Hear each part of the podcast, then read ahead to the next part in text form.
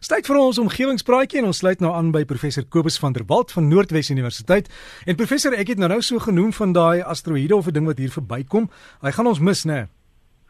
Dirk, ja, môre. Nee, gelukkig jong, dit klink vir my of hy ons daarom nie gaan tref nie. Want weet jy, ja, dis nou dis nou die onderwerp van baie wetenskap fiksie rolprente en so aan, uh, maar daar is werklik 'n baie groot gevaar aan die klas van goeders. Want die die die groot gevaar is natuurlik die wat wat die ouens nou nie van weet nie.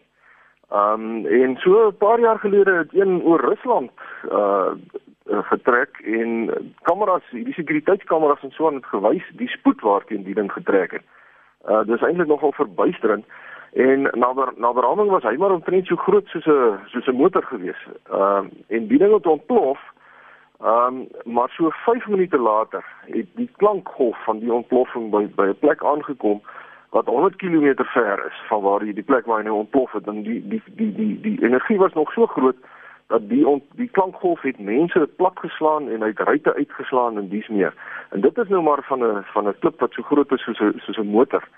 Ehm um, ja, as as enigiets groter ons tref dan uh, is is die gevolge kan dit baie baie dramaties wees. En die in die groot gevaar is natuurlik ehm um, as daar nou 'n groot ding is wat so kilometer of 2 in deursnee is, dan uh, staan dit nou bekend as 'n planet killer en dit is werklik so want as as hy die aarde moet tref dan sal die ontploffing na beraming nou soveel stof en as en roet in die atmosfeer inblaas dat dit kan lei tot etlike jare se afskerming van die son en dit gaan ehm um, ystyd ystoestande tot gevolg hê en oeste gaan misluk en mense wat nou nie uh, in in huise bly wat die koue temperature kan weerstaan nie, is gaan natuurlik baie blootgestel wees. So, uh, gelukkig die ouens van sterre en planete, ek ek is 'n baie groot aanhanger van die klomp en ek luister hulle elke Sondag aan. En ek hoor uh, Dr. Jappie van Sail hulle daar in Amerika het allerlei planne oor hoe om die goederes nou uh, van die aarde af weg te kry as hulle sien hy gaan by die aarde bots. En dan is daar ook aktiewe soektogte met radar en so aan wat hulle probeer om al hierdie naby aarde uh, voorwerpe uh, uh, betyds te kry uh, sodat dit nou nie vir ons 'n gevaar inhou nie. Maar goed. Uh Derek, ek wil vanoggend gou-gou drie briewe behandel wat ek in reaksie op 2 weke gelede se praatjie ontvang het wat gehandel het oor die gevaar dat die besoedelde besoedelde lug wat mense tydens spits verkeer inasem vir 'n mens se gesondheid kan inhou. Die eerste brief het gekom van meneer Dirk Eys van Kaapstad wat sê dat alhoewel sommige luukse motors paslike lugfilters in hulle lugreëlingstelsels het, dit seker gepas sal wees dat alle motors daarmee toegerus behoort te word om die bestuurders en die passasiers te beskerm. Nou ek het uh, meneer Eys sommer direk geantwoord en gesê ek dink nie dit sal veel verskil maak nie omdat die filters nou eintlik maar net die groter deeltjies so styfmeel kan onderskep. Maar ek wat ek het 'n fout gemaak. Ek het my huiswerk toe beter gaan doen en die goeie nuus is dat die mikrofilters waarmee sommige luukse motors toegerus word wel 'n groot verskil maak in die luggehalte binne in kajuite tydens spitsverkeer. Die vervaardigers kry dit reg deur van 3 lugsuiweringsmetodes gelyktydig gebruik te maak. Eerstens 'n meganiese filter wat op 'n baie vernuftige wyse vervaardig word sodat die effektiewe blootgestelde oppervlakte van so 'n filter 'n allemintige 20 hektaar is. En tweedens word die filter elektrostaties gelaai en die statiese elektrisiteit uh onderskep dan nou alle partikels in die lug en derdens word die filter dan ook toegerus met 'n laag geaktiveerde koolstof. En die kombinasie van hierdie drie tegnieke is so effektief dat alle partikels so styfmeel of asbes wat van ouer motors se remskoene of koppelaars vrygestel word, vasgevang word, um, as hulle net 5000stes van 'n millimeter of groter is. En verder verwyder die geaktiveerde koolstof tot 60% van alle partikels wat nog kleiner as 5 mikron is, soos byvoorbeeld bakterieë en mikroskopiese roet wat in vuil diesel uitlate voorkom. Maar die beste nuus is dat skadelike gasse soos ozon, stikstofoksiede en koolwaterstowwe soos tolueen en benseen of dan nou chemies geneutraliseer word of uit die lug wat binne in die kajuit ingeblaas word verwyder word. Nou die luxe motors se filters werk inderdaad en beskerm die mense binne in die motor teen vuil lug tydens spitstye. En meneer Eys is heeltemal reg as hy sê dat dit 'n goeie idee is dat sulke filters verpligtend gemaak behoort te word vir alle motors. Baie dankie meneer Dirk Huis van Kaapstad vir u bydrae. Dan deur die tweede brief kom van Eloise Lundy wat sê haar seun en sy gesin bly in Berlyn in Duitsland. En wat 'n plesier is dit nou nie vir haar om daar tussen al die honderde voertuie en busse te kan rondloop sonder 'n gevaar van enige gasse ehm um, wat sy inasem en sy glo dat as hulle dit in Duitsland kan doen, dan kan hulle dit mos hier by ons ook doen. Baie dankie mevrou Lindie vir die bydrae. Ek is ook heeltemal in die kol met die indruk dat as u langs strate in Europa loop, u blootstelling aan skadelike uitlaatgasse orde syfers laer is as hier by ons. En dit is natuurlik hoofsaaklik vanweë die katalitiese omsetters wat in bykans alle moderne motors se uitlaatstelsels ingebou word.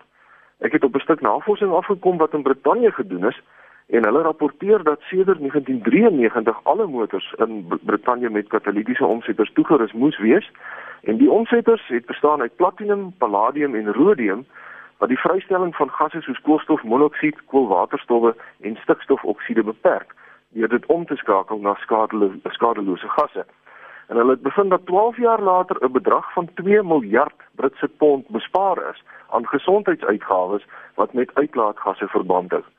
Die infasering van ons loodvrye petrol hier in Suid-Afrika het daartoe gelei dat daar 50% minder lood in die stof langs die paaie is, maar die platinum konsentrasies en dit kom nou ook weer uit Brittanje uit in die stof het met tot 90 uh, eh, keer gestyg.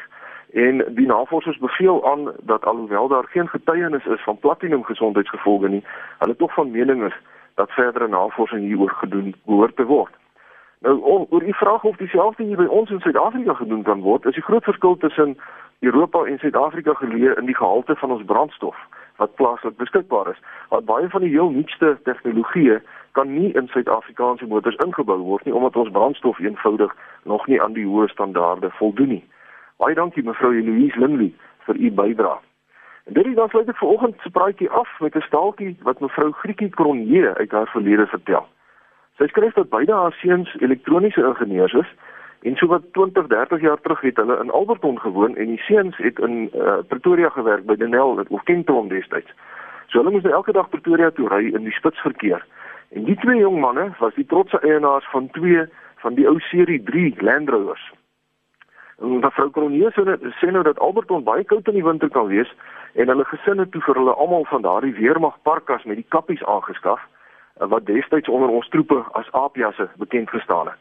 Nou sy sê hierdie parkas was dan ook die twee seuns se standaard uniform as hulle gery het want die ou Land Rovers was nie juis lugdig nie en selfs daardie jare was die snelweë al baie besig en sy sê kort voor lank die seuns toe ook begin bekommerd raak oor al die motors se uitlaatgasse wat hulle inasem En tipies ingenieur, dis skaf hulle vir hulle twee gasmaskers aan.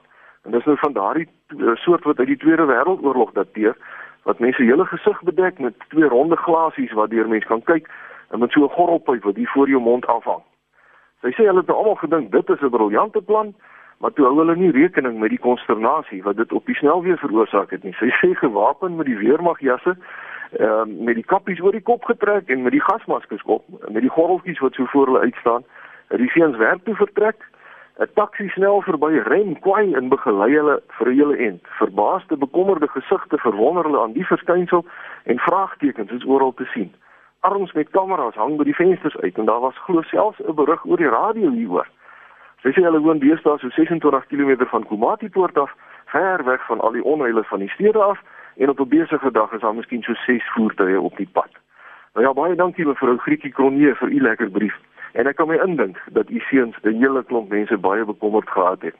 En Derek mevrou Kronje het ook gevra dat ek haar groete aan jou moet oordra, want jy het by haar skool gegaan tot matriek en jy het haar destyds al vertel van jou voorneme om radio-omroeper te word. En sy sê sy is baie bly dat jy jou droom verwesenlik het. En daarmee is my tydjie vir oggend om skryf gerus vir my by kobus.vanderwalt by nwu.ac.za of kyk op omgewingspraatjies se Facebookblad vir verdere besonderhede. Vriendelike groete tot 'n volgende keer. Professor baie dankie vir daai brief van uh mevrou Kronje. Ek sal enigiets ek in daai omgewing is 'n draai by haar gaan maak. Ek het verneem dat sy woon nou daar ver. Maar groete en ja, ek mis haar. Ja, dis lekker as mense van jou oud onderwysers hoor, nê. Nee. Ja. Uh hulle jy weet 'n onderwyser onderskat baie keer die die die die die waarde wat hulle toevoeg aan kinders se lewens. Ek self het nog onderwysers wie ek absoluut uh, jy weet 'n mens eer die mense want hulle het soveel bygevoeg tot die mens wat jy is. En uh, professor iemand het ook gesê ek moet jou asseblief vra om dalk op 'n volgende geleentheid te gesels oor die vars water van die Weskus af terug te bring Kaap toe met die skepe. Dankie Derek, ek sal dit doen volgende week. So gesels ons dan met professor Kobus van der Walt hier op Breakfast met Derek en dit sal 'n potgooi maandag beskikbaar wees op ons webtuiste. Anders gaan sluit aan by die Facebook groep. Dis net omgewingspraatjies, die meervoud omgewingspraatjies en jy kan ook e-pos kobus.vanderwalt by nwu.ac.za.